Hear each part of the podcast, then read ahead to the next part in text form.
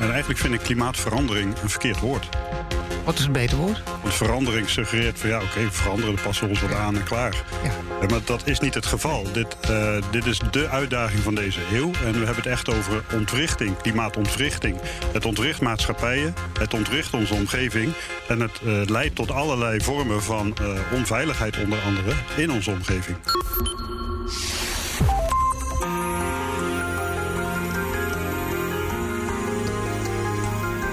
Je luistert naar De Stratege, een podcast van BNR in samenwerking met het Den Haag Centrum voor Strategische Studies. Mijn naam is Paul van Liemt. I think governments are starting to look at this relationship between climate and conflict uh, as, a, as a potential threat and something they should pay attention to.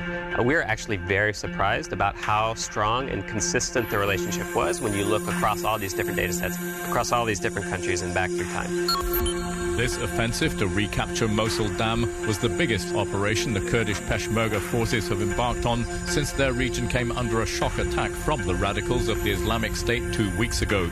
The Kurds see it as a sensitive and vital installation which can't be allowed to stay in the militants' hands. Wildfires caused 12.1 billion in damage in 2020. With fires, political feuds, and a changing climate, water wars are becoming more important to the US economy than ever.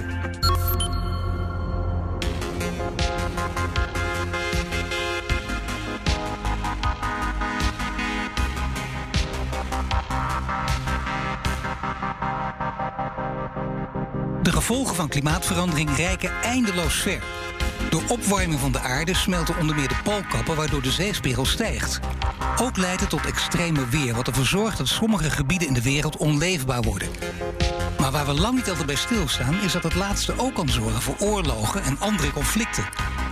Bij de oorlog in Afghanistan, de opkomst van IS, de strijd tegen piraterij voor de kust van Somalië, bij al die conflicten heeft klimaatverandering een grote invloed. Hoe dat zit, beschreef oud-commandant strijdkrachten Tom Middendorp in zijn nieuwe boek Klimaatgeneraal Bouwen aan Weerbaarheid. It's also why the world must come together to confront climate change. There's little scientific dispute that if we do nothing, we will face more drought, more famine, more mass displacement, all of which will fuel more conflict for decades. For this reason, it is not merely scientists and environmental activists who call for swift and forceful action. It's military leaders in my own country and others who understand our common security hangs in the balance. Ja, dat kan niet heel goed, echt fantastisch zelfs. Hè? President Obama bij de uitreiking van de Nobelprijs voor de Vrede 2009. En dat gaat over klimaatverandering. Hij zegt als we die niet aanpakken, ik citeer, dan heeft dat grote gevolgen voor de veiligheid. Maar ja, meneer Middendorp, eh, waar praten we dan precies over? Als dat, als dat het thema is. Ja, dan eh, praten we echt over de, de ontwrichtende effecten die klimaatverandering kan hebben. En eigenlijk vind ik klimaatverandering een verkeerd woord. Wat is een beter woord? Want verandering suggereert van ja, oké, veranderen, dan passen we ons wat Ja. aan en klaar. Ja. Eh, Maar dat is niet het geval. Dit, eh, dit is de uitdaging van deze eeuw. En we hebben het echt over ontwrichting, klimaatontwrichting. Het ontwricht maatschappijen, het ontwricht onze omgeving. En het eh, leidt tot allerlei vormen van onveiligheid, onder andere, in onze omgeving. Ja, dan zou je dus een nieuw woord moeten verzinnen. En dat, dat is dus een van de mogelijkheden. Maar klimaatverandering is een beetje ingeburgerd. We weten Ja. ongeveer wat ermee bedoeld wordt. Hij zag het toen, op dat moment. Is het dan niet pijnlijk dat het, dat het nu pas begint door te dringen? En dat er zo'n boek, hè, wat u geschreven heeft, dat dat blijkbaar ervoor nodig is, of niet? Ja, helaas eh, wel. Eh, We voelen de, de urgentie nog niet. En ik wil met dit boek ook bereiken dat, dat ik aan een breed publiek... eigenlijk aan de hand van allerlei praktijkvoorbeelden... gewoon voelbaar maak hoe die relatie is tussen klimaat en veiligheid. En om daar toch meer aan dat bewustzijn te werken. En dat, dat is eigenlijk mijn missie geweest voor de afgelopen paar jaar. Om ook NAVO, EU, de grotere organisaties en eh, landen... eh, zich daar meer bewust van te maken... zodat ze dat ook gaan vertalen in hun beleid. Nou was u zelf eh, commandant der strijdkrachten. Toen werd u met dit probleem, met dit verhaal geconfronteerd. Maar was er een speciaal moment aan te wijzen, een bepaalde situatie? Ja, ik denk dat ik echt pas mee naar buiten trad. Nog wel als eh, toen ik nog in functie was in eh, Halifax, de Engelse of de Canadese conferentie, veiligheidsconferentie. En dat was in een interessante periode van de verkiezingen in Amerika. En ja, een van de kandidaten die wilde uit het Parijsakkoord stappen. Dus dat trok een hoop aandacht toen. En ik werd gevraagd om over de relatie klimaatveiligheid te praten, omdat ik uit Nederland kwam. Ja. En men vond, ja, Nederland met die zeespiegel, dat is wel een interessant land, die kunnen dat wel uitleggen. Ja. En, en zo ben ik er eigenlijk ingerold. En een paar uh, weken later zat ik in de Planetary Security Conferentie, dus in. Uh, uh, Den Haag. En dat was in het Vredespaleis? ja, dat was in het Vredespaleis op uitnodiging van Bert Koenders. Uh, en daar heb ik dat ook uitgelegd. Toenmalig minister. En toen kwam er een hele schokgolf door het land heen. Ja, die schokgolf is wel aardig en zo. Daar begint het boek ook heel mooi en interessant ook meteen mee. Hè? Hoe kan Middendorp zoiets doen? Dat gaat over dat Twitterbericht en zo. Grote paniek allemaal, want opeens generaal Middendorp stelt... dat klimaatverandering wereldvrede bedreigt. Dat staat er dan. En dan komen de reacties. Een mooie pik ik eruit. Uh, veel positieve ook, hè? maar sommige activisten reageerden verontwaardigd... ik citeer even, dat ik geen veiligheidsissue moest maken van hun thema. Dat is bijna te gek voor woorden, het is mijn hokje en daar moet je uitblijven. Ja, ja en die, die sferen zaten we toen nog. Uh, dat verandert nu gelukkig wel. Uh, maar toen was het nog echt een, een, een soort GroenLinks-thema. Hè? Een, uh, echt een milieuthema vanuit de milieuverenigingen en bewegingen. Uh, en keken we er nog niet echt heel breed en integraal tegenaan. En terwijl ik gewoon die relatie met veiligheid zag. En ik dat ook oprecht zag als een factor van invloed op ons werk. Maar waar heeft u dat gemerkt? Ik bedoel, tijdens. U heeft heel veel missies ook gecoördineerd, als ik het zo mag zeggen. U bent zelf ja. ook op naar verschillende missies uh, uitgezonden, naartoe geweest. Leidinggevende functies. Maar waar heeft u het gemerkt dat het echt speelde? Ik heb het eigenlijk in alle missies gemerkt. Uh, alleen je legt niet de link met klimaatverandering. Maar je voelt in alle missies gewoon de enorme impact die het klimaat heeft op jouw werk. In Oeruzekan was ik commandant. En uh, in de hete periodes moesten we gewoon zwaardere helikopters gebruiken om nog iets van de grond te kunnen tillen. Ja. Want die, ja, die verloren gewoon een hoop tilvermogen. Uh, patrouilles kon je gewoon niet meer zo lang de deur uitsturen, want die hielden ze gewoon niet vol in die hitte. Uh, dus de, de invloed van het weer is gewoon enorm op ons optreden. Ja. Uh, maar ook op de omgeving, ook op de bevolking. En in, in Chora is een heel beroemd voorbeeld. Hè. Daar hebben we natuurlijk dagenlang gevochten om de Taliban uit dat dorp weg te jagen. Uiteindelijk zijn we er ook in geslaagd. Ja. maar daarmee was het probleem niet weg. En de Taliban kon eigenlijk zo weer terugkomen. Ja, natuurlijk. En het duurde eventjes voordat wij erachter kwamen. Hey, maar de, de kern van het probleem is dat de mensen het niet eens kunnen worden over verdelen van water. Ja, dan zie je hoe belangrijk water is. Waanzinnig ja. belangrijk. Niet voor niets dat het boek ook wordt uh, geprezen door, uh, laten we zeggen, de watergezant. Uh, dat ja. is ja, hoe noemde Obama hem eigenlijk? Hè? Want dat is een hele mooie Henk Ovink. Henk de Water Guy. Henk de Water Guy, precies. Ja. ja. Dat is het. Nee, niet voor niks dat hij het aanprijst. Maar je ziet hoe belangrijk dat thema dan is. En ik heb het idee, misschien lees ik het verkeerd, hè, moet u mij corrigeren. Maar ik dacht, uh, ja, u heeft daar vrij kort gezeten. Door de politiek, dat hele verhaal gaan we niet nog eens uh, omhoog halen. Maar u zat er veel te kort, u had er veel langer moeten zitten.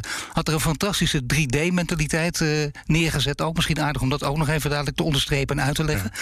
Maar je had er langer moeten zitten om meer te bereiken. Want het is echt typisch iets van lange adem, of niet? Ja, nou, ik, ik ben de langzittende CDS geweest ooit. Hè, dus in die zin nee, zat ik al heel lang.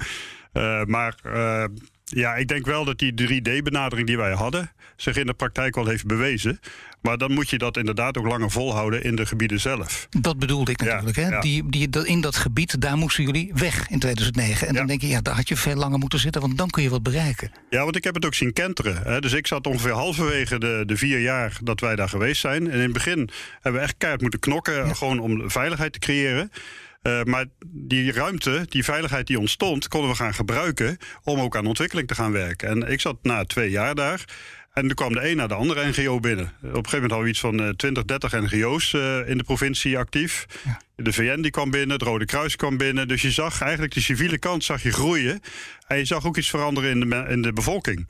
Uh, dus in die zin denk ik dat die integrale aanpak, waarbij die instrumenten met elkaar echt combineert in de uitvoering ja. uh, enorm krachtig kan zijn als je elkaar weet te vinden. En ik denk integrale aanpak is een mooi woord, daar komen we later in dit gesprek op terug. Maar dat heeft alles te maken ook met die 3D-aanpak. En waar staan die 3D, waar staat dat voor? Ja, dat is dus uh, diplomacy, development en defense. Dus de diplomatieke kant van de hele uh, lokale overheid te begeleiden om toch meer uh, leiding te nemen. Je hebt de development kant om toch wat meer economisch perspectief te creëren voor de lokale bevolking. zodat ze niet afhankelijk zijn van die papaverteelt en niet in de handen komen van die Taliban. en daar heb je wel een veiligheidsomgeving voor nodig om dat te kunnen doen. Dus dat gaat hand in hand. Ja. En ik denk dat dat de grote les is van, van Afghanistan. Dat veiligheid en ontwikkeling twee kanten van dezelfde munt zijn. En dat dat hand in hand gaat en niet zonder elkaar kan. Waar dat in het verleden hele gescheiden werelden waren. Nou ja, misschien in de hoofden van veel mensen nog steeds. Niet voor niets. Ik zal de titel van het boek nog maar even noemen. Klimaatgeneraal bouwen aan weerbaarheid. Maar ik denk dan, uh, het is klimaatgeneraal. Het was altijd de groene generaal. En dat betekent dus inderdaad, zijn het toch gescheiden werelden. Want groen is links en veiligheid is rechts. Even voor het gemak en zeker een tijdje geleden. En dan haal je opeens die twee bij elkaar. En dan botst aan beide kanten. Men vertrouwt je niet, gelooft er niet helemaal. Neemt het niet serieus. Hoe zit dat? Hoe is dat precies bij u gegaan in die ontwikkeling? Om dat gewoon tot een mooi natuurlijk geheel te smeden. Ja, je zag het al in de reacties toen hè, met die planetary conferentie van hij kaapt ons thema. Daar zag je al een beetje die tweestrijd. Uh, en dat hadden we met uh, ontwikkelingssamenwerking in het verleden ook. Maar ik vind eigenlijk zowel het klimaat als veiligheid.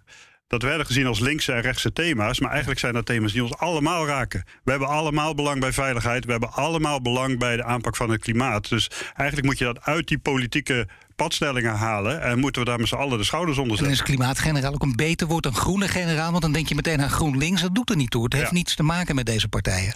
Nee, nee. Ik kom er ook nooit achter uh, waar u op stemt, bijvoorbeeld.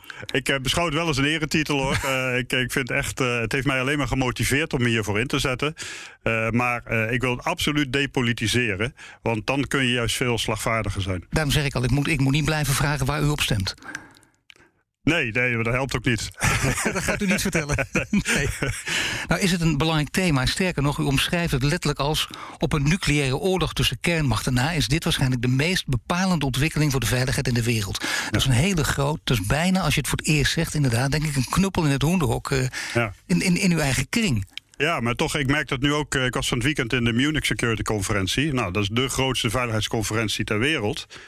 Daar hebben we twee jaar geleden voor het eerst het thema klimaat op de agenda kunnen krijgen. En uh, daarvoor stond het er nooit op. En dat is nu helemaal omarmd. Dus twee, binnen twee jaar tijd zie je dat klimaat echt een, een hoofdthema is geworden in alle delen van het programma. Uh, en daar zie je dus een soort mentaliteitsverandering gaande, die ik heel goed vind omdat ik, uh, hoe meer ik me erin verdiep, hoe meer ik ervan overtuigd ben dat dit de bepalende factor wordt voor uh, ook onze veiligheid, maar sowieso voor ons samen zijn, ons leven in, in deze wereld. Ja, zeker als u het zo omschrijft, wat ik net citeerde, dat is natuurlijk heel stevig. En na een nucleaire ja. botsing is dit het grootste probleem, het grootste verhaal om, om voor te strijden. Ja. Heeft u het, het idee, de indruk dat dit uh, wereldwijd, laten we zeggen in de westerse wereld, wordt omarmd bij mensen die in defensiekringen verkeren? Dat begint nu. Maar uh, we moeten, hebben nog een weg te gaan. Antwoord. Ja, nee, we hebben echt nog een weg te gaan. Als je naar de laatste defensienota kijkt, staat er geen woord in over het klimaat. dus dat zegt al iets. Dat zegt al dat het absoluut nog geen prioriteit heeft.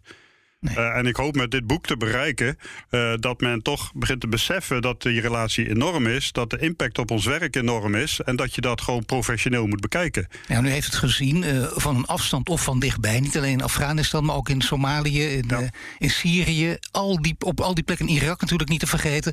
Al dat soort brandhaarden, daar speelt het een heel grote rol en zal het alleen nog maar een grotere rol gaan spelen, of niet? Ja, we hebben in de Somalië bijvoorbeeld, daar gingen we uh, achter de piraten aan. Alleen die piraten, dat zijn arme boertjes en vissertjes. Die geen keus meer hadden. Die van hun landen waren gedreven omdat, ze daar, omdat het uitdroogde. Of van hun visgronden omdat er geen vis meer zat. Uh, en die worden dan piraat. Ja, die kan je dan wel gaan, gaan achterna gaan jagen, maar daarmee los je het probleem niet op.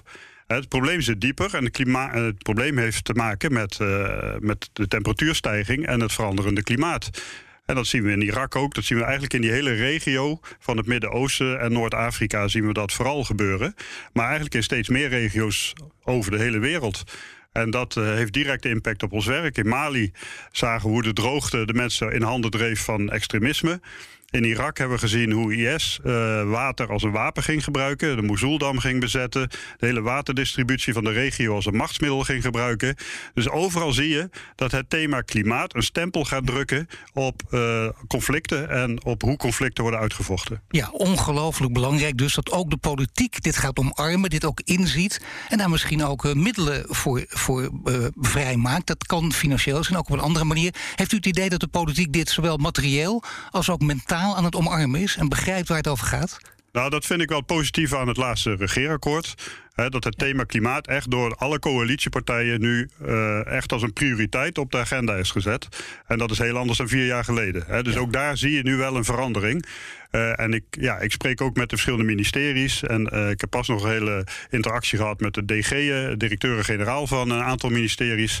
En dan zie je dat ze ook samen bezig zijn om dat klimaatbeleid verder te ontwikkelen. En ieder vanuit de eigen verantwoordelijkheid. Maar dat wel bij elkaar proberen te brengen. Dus dat snap ik. Dat snap dus die ik, benadering, maar, uh, dat zie ik nu wel ontstaan. En dat vind ik een goede ontwikkeling. Maar vanuit de eigen verantwoordelijkheid, en dat is een interessante. We zeiden in het begin van het gesprek, ik zei dat ik op druk zou komen. Misschien is dit nu wel het moment. Het gaat ook altijd om het multidisciplinaire. Dat vreselijke woord maar even gebruiken. Maar verschillende mensen bij elkaar zitten die allemaal toch anders denken. Die breinen zitten ook anders in elkaar. Dat kan heel mooi botsen. Veel mensen zijn er in de praktijk toch angstig voor. Of vinden dat wel een keer een leuk experimentje, maar niet altijd. Heeft u de indruk dat dit nu als ik dat cliché mag gebruiken, dat het nu wel meer op de kaart staat. Dat het overal doordrongen is, misschien ook na COVID, dat je onvermoede coalities moet sluiten om verder te komen? Ja, de, ik denk dat en Nederland is daar sowieso wel een land in die daarvoor open staat, toch? Uh, ik heb ooit die Future Force conferentie gehouden. En daar hebben we ja, zo'n 1100 mensen uitgenodigd. Nee, maar leg het even uit. Dat weet niemand. Sorry dat ik zeg, maar ja. het is een te klein publiek weet dat helaas. Daar werd ik dus heel erg enthousiast. Ik, ik uh, sloeg daar letterlijk op aan tijdens het lezen. Reden om het een nog beter boek te vinden. Ja. Want wat is dat precies? Daar kwamen al die mensen bij elkaar die van elkaar konden leren. Ja, we wilden daar eigenlijk veiligheid gaan bekijken vanuit uh, veel bredere invalshoeken. Want we hebben allemaal belang bij veiligheid. Bedrijven hebben ook belang bij veiligheid. NGO's hebben belang bij veiligheid. Internationale organisaties hebben belang bij veiligheid. Nou, breng die mensen eens bij elkaar. En dat hebben we gedaan in die conferentie. Er kwamen 1100 mensen, waarvan er misschien 200 militair waren. En de rest kwam uit universiteiten, uit NGO's, uit, uit allerlei landen van over de hele wereld.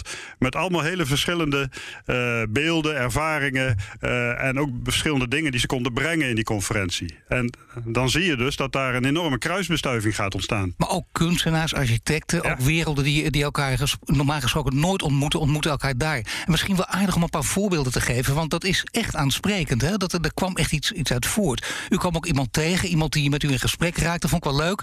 En en die bleef maar achter die uh, middendorp aanlopen. En uiteindelijk uh, gebeurde er toch iets met jullie? Ja, ik, ja, ik had een soort bloedstollend betoog gehouden hoe uh, we naar een soort ecosysteembenadering van veiligheid toe moesten groeien. Ja. En dat Defensie een soort platform voor innovatie kan zijn. Allemaal hele mooie woorden. En er kwam zo'n uitvinder naar me toe. En die zei, ja, mooi verhaal, generaal, maar ik heb een uitvinding en ik wil die gaan testen. En ik ga water uit de woestijn halen, uit woestijnlucht halen. Ja. Uh, en dat wil ik gaan doen. En uh, nou, heel bevlogen ging hij erover vertellen. En ik dacht, nou, wel een erg fantastisch verhaal dit. Dus ik wilde ja. hem eigenlijk succes wensen en doorlopen. ja. uh, maar toen dacht ik, ja, ik heb net iets hier verkondigd. Dan moet je het ook waarmaken. Dus ik heb gezegd, oké, okay, je krijgt van mij een kans. Volgende week pak je team bij elkaar. Stap jij in een vliegtuig, brengen we jou naar Mali. Naar een kamp van ons. Een van de heetste plekken ter wereld. Mag je daar je uitvinding testen. En dat heeft hij gedaan. Samen met nog trouwens een ander initiatief. Uh, hebben verschillende ploegjes daar naartoe gebracht. Die zijn dat gaan testen. En hij slaagde erin om uh, een, binnen een dag een glas water uit woestijnlucht te halen. Ja. Nou, ja, dat zet niet echt zo aan de dijk nee, één glas. Maar het is een begin, hè? Maar het is wel een begin, ja. ja. En hij is ermee doorgegaan. En ik ben nog steeds verbonden aan hem trouwens. Hij is ermee doorgegaan. Hij heeft dat helemaal gepatenteerd. En hij kan nu 30 liter water per dag uit de lucht halen met een klein apparaatje op een zonnepaneel. Dus je hebt geen stekker nodig. Nee. Je hebt geen het is goedkope technologie. En dat heeft mij zo geïnspireerd. Want daar zie je dus de kracht van het individu. Daar zie je dus hoe één man, in dit geval, een enorm verschil kan maken. Wat misschien wel een wereldwijde oplossing kan zijn. Nou kwam COVID ertussen, maar ik zou toch denken, deze conferentie, nou, die, dit is geweldig. Als ik, uh, ja, jammer dat mensen het niet zien, maar u begint echt helemaal te glunderen. Dat, ik snap dat helemaal, want het is volgens mij heel belangrijk om het zo aan te pakken. Werelden leren van elkaar, komen tot meer. Het is echt 1 en 1 is 3, dat, dat maak je ook waar hier. Maar waarom uh, is er niet meer enthousiasme om dit voortaan op deze manier door te zetten? Dus ja. met zo'n kleurrijk gezelschap. Goeie vraag. Ik kan het alleen maar aanmoedigen. Ik, ik heb daar hele positieve ervaringen mee. We hebben het twee keer gedaan. En het brengt echt heel veel partijen bij elkaar. Je maakt ook het hele bedrijfsleven veel meer betrokken. En die worden ook onderdeel van de oplossing. Die gaan dan dingen ontwikkelen waar wij behoefte aan hebben. En die helpen om iets op te lossen. Uh, dus in, in, die zin uh, kan ik het alleen maar aanmoedigen om dit te doen. Maar, ook maar iemand moet wel het initiatief nemen. En iemand ziet, moet het organiseren. Je ziet ook kunstenaars en uitvinders die normaal gesproken niet met defensie in aanraking komen. Of misschien nog toch oude negatieve beelden hebben. Dat verandert dan ook. Dat kantelt. Dat blijkt ook naar dit verhaal. En dan wordt ja. een ecosysteem. Ja, een prachtig woord, maar geen mooi woord. Maar dat, wordt, dat gaat bloeien. dat, dat komt tot leven. Dus je zou bijna zeggen, nou, misschien dat ze vanuit Defensie ook denken... ja, hier moeten we mee doorgaan en niet voor niets... en een commandant de strijdkracht toch behoorlijk zijn nek uitsteekt. Want mensen doen altijd, als je iets anders doet... doen ze altijd in eerste instantie lacherig... of ze negeren dat of weet ik wat. En vervolgens moet je doorzetten. Iemand moet, moet dat doen. En eh, heeft u de indruk dat, dat er meer mensen zijn, ik zou zeggen van uw niveau... die ook dit willen, ook bij Defensie? Uh, denk het wel, ja. En ik zie ook een hele uh, jongere generatie opkomen die hier absoluut mee aan de slag willen. En ik word ook door veel jongeren ook benaderd. Ook de jonge organisaties die hiermee verder willen. Maar wat, wat willen ze dan precies? Nou, die, die zien gewoon het belang van klimaat. En die vinden dat Defensie hier te langzaam in beweegt. Dat Defensie hier veel slagvaardiger in moet zijn. En uh, ja, omdat ik natuurlijk bekend ben op dit thema, stappen ze dan naar mij toe om te kijken of ik kan helpen. Ja. en dat doe ik. Nou moet, dus nou moet Defensie zelf natuurlijk ook opletten. Ik bedoel, als je, als je dit gaat prediken, je gaat het steeds belangrijker vinden... dan moet je zorgen dat je zelf ook niet te veel CO2 uitstoot. En ik heb begrepen, het boek goed lezende... dat er ook daar op dat gebied ook nog wel een wereld te winnen is, of niet? Ja, zeker. En, maar ik wilde ook geen zwartgallig boek schrijven. Hè. Dus ik wilde ook geen nee. doemscenario schrijven. Dus ik heb echt vanuit de praktijk beschreven... langs allerlei invalshoeken hoe klimaatveiligheid raakt... Uh, en, uh, maar dat is ook met natuurrampen, dat is ook het Arktisch gebied wat wegsmelt. Er zijn allerlei invalshoeken. Maar de tweede helft van het boek gaat meer over de oplossingenkant. Ja. En wat kan de veiligheidssector bijdragen? Wat kan Defensie bijdragen? En een deel daarvan is natuurlijk een bijdrage aan de uitstootvermindering. Uh, en binnen Defensie is die verduurzaming, die komt nu op gang. Er is ook geld voor vrijgemaakt. Dat richt zich met name op de infrastructuur. maar dat is natuurlijk veel breder dan dat. Wat zou je nog meer kunnen doen dan? En dat is met name de uitstoot van voertuigen, vaartuigen, vliegtuigen. De defensie is van de overheid uh, veroorzaken wij meer dan 50% van de uitstoot. Dus we hebben binnen de overheid best wel een verantwoordelijkheid als het gaat om uh, de energietransitie. En daar moet defensie denk ik gewoon die stap voorwaarts gaan maken. En uh, dat ook omarmen. En ik zie bij Defensie toch nog veel mensen die dit zien als een bedreiging. van ja, als wij gaan verduurzamen en met, met accu's en zo, dan, dat gaat ten koste van operationele effectiviteit. Je kan een tank niet op accu's laten rijden. Ja. en, uh, en het kost allemaal meer geld en dan gaat het ook weer ten koste van iets anders. Dus er zijn een hoop, een hoop uh, terughoudendheid is er. En die begrijp ik ook. Maar tegelijkertijd. Heeft het met onwetendheid te maken? Niet om ze af te maken, in die zin bedoel ik het niet, maar onwetendheid omdat het een nieuw terrein is. En dat er natuurlijk toch, de hangen, dat hebben we allemaal, daar hangen bepaalde associaties aan. Daar moet je even vanaf. Ja, Zeker als je de wereld komt die daar niet aan gewend is. Ja, enerzijds onwetendheid, uh, anderzijds ook wel zorg over de consequenties, hè, over de kosten daarvan. Want ja, Defensie heeft natuurlijk een, een krimpend budget gehad altijd. En als je daar geld moet gaan vrijmaken om hierin te investeren, dan moet je heel veel andere dingen schrappen. En, en die zorg leeft ook. Uh, nou, die moet je dus zien te overwinnen. Nou, gelukkig dat de, deze nieuwe regering daarin investeert. Uh, en dus een deel van die zorg wegneemt uh, daarmee. en dat kan helpen om die transitie in gang te zetten. En ik denk dat Defensie ook op die wapensystemen die omslag moet maken, omdat het ook heel veel operationele voordelen biedt. Op het moment dat jij een kampement in Mali of zo kan bouwen, wat zelfvoorzienend is, qua water, energie, et cetera, dan heeft dat operationeel enorme voordelen. Want je hebt die enorme logistieke konvooien iedere week. Die heb je niet meer nodig of veel minder nodig dan nu. En dat is de grootste kostendrijver van een missie. Ook de grootste kwetsbaarheid van een missie. Nog even los van de impact die jouw compound heeft op de lokale bevolking. Want wij trekken water uit de grond. En daarmee komen putten droog te staan bij de dorpen om je heen. Ja. nou, dat haal je allemaal weg. Dus operationeel heeft het gewoon heel veel voordeel als je die groene technologieën omarmt. En ook inbed in je, in je werkwijze. Nee, dat moet je gewoon doen. En dan komen we toch even, dat is natuurlijk de oplossing ook uiteindelijk, wat je zult moeten doen, maar toch nog even naar het probleem, want daar begint het en vervolgens de oplossing. Het eerste deel van het boek gaat inderdaad, uh, u noemt het al even kort, het Arctic gebied, waar het ijs wegsmelt. En dan krijg je echt een geopolitieke strijd. Ik denk dat dat wel een heel belangrijk thema is om dat misschien even nader toe te dichten. Ja.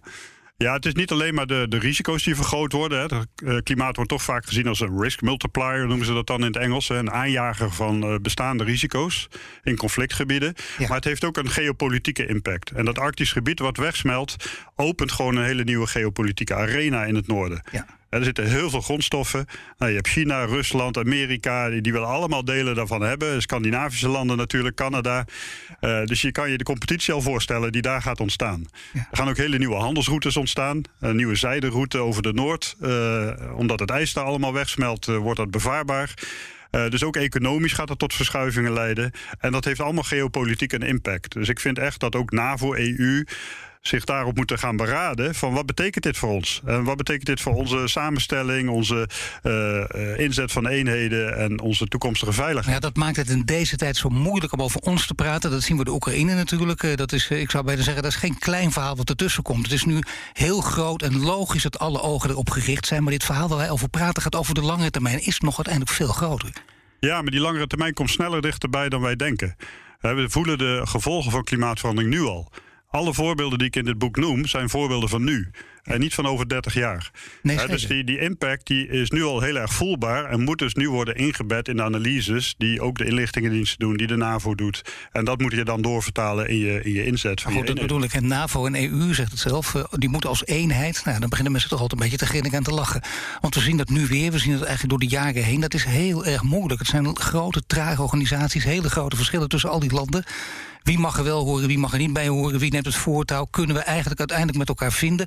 Als het van deze organisaties afhangt, dan gaat het toch niet snel genoeg?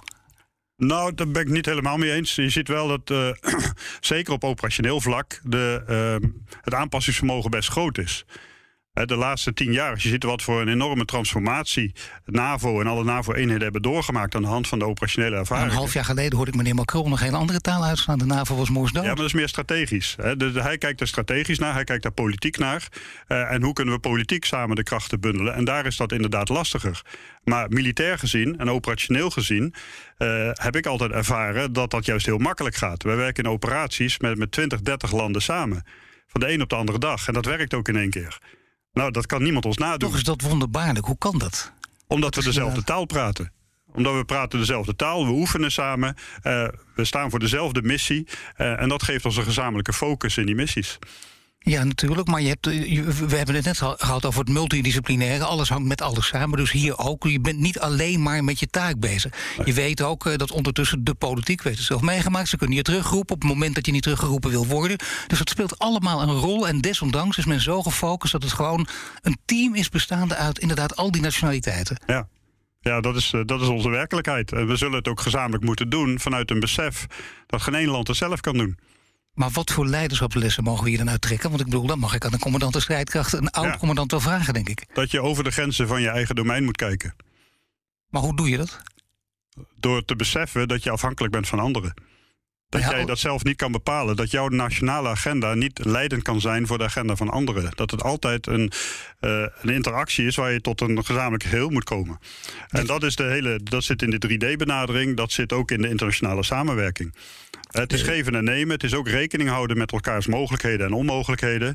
Maar daarvoor moet je elkaar wel begrijpen. Maar uh, het gaat natuurlijk om de grote landen, de grote machten die ook mee willen. En wie loopt hierin voorop? Kun je zeggen, in dit nieuwe spel, dat, dat bijna weer het oude spel is, de echte geopolitiek, lang onderschat, dat komt nu helemaal terug. Wat zijn belangrijke spelers die hierin voorop lopen?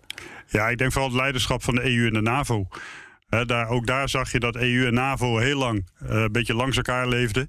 Uh, maar vooral niet met elkaar. Uh, en uh, daar zie je nu steeds meer thema's komen waar ze de samenwerking zoeken. en dat is gewoon keihard nodig. En als je dat van bovenaf zo gaat inkleuren, dan gaat dat in de landen ook zich doorvertalen. maar de landen zelf moeten dat natuurlijk ook doen. Um, en dat doen ze vooral als ze de noodzaak voelen. Als ze in missies er tegenaan lopen, hey, dit kan je niet militair oplossen. ik denk dat je bijna geen één conflict alleen maar militair kan oplossen. Je hebt altijd een samenspel met anderen nodig. Nou, en dat besef, uh, ja, dat begint wel door te dringen. Maar ook daar hebben we weg te gaan. En het is ook heel vluchtig. Hè? Als je eventjes geen inzet hebt, en je krijgt nieuwe, nieuwe leiders in landen, kan je weer opnieuw beginnen. Nou ja, precies. En dan krijg je dus eh, de andere landen, de Russen, de Chinezen, die allemaal roepen: Nou, wij doen dat veel beter. Wij zijn schakers, wij kunnen vooruitkijken. We hebben een vreselijk regime en zo. En uh, we houden mensen af en toe flink onder de duim. Maar ja, dan moet je allemaal opgeven. Je vrijheden kijken zoals wij kunnen. Dat wil je niet. Wil ook je eigen waarde in stand houden. Ja. Dat is een tijd weg geweest. Dit is een heel positief verhaal, ook in het boek zeker met alle voorbeelden. We hebben, we hebben tijd in dit interview, maar die kunnen we niet allemaal noemen. Maar dan wil ik wel weten, die oude machtspolitiek, eh, die, die zich steeds aan het verharden is... moet je die ook in je achterhoofd houden? Of speelt die net op net zo'n niveau mee als het verhaal uh, over klimaat... en het verhaal over prettige samenwerking? Ja, ik denk dat we juist een weg moeten zoeken om daar bovenuit te stijgen. Uh, en ik probeer dat zelf ook met het, uh, dat hele netwerk wat nu aan het ontstaan is. Ik ben, ik ben voorzitter van een wereldwijd netwerk van, die, uh, van militaire deskundigen uit meer dan 40 landen, uit alle continenten ter wereld. dus die, eh, die, kijken niet naar NAVO, EU en naar dat soort machtsblokken. Nee, die kijken als, als professional kijken ze naar wat het klimaat voor hun gaat betekenen. En dat verbindt ze. En ik denk dat we dat moeten gaan zoeken. Dat je de verbinding zoekt op het thema. En, en het thema klimaat is een thema wat alle landen raakt. Of je nou in China zit, of in Rusland, of in Nederland.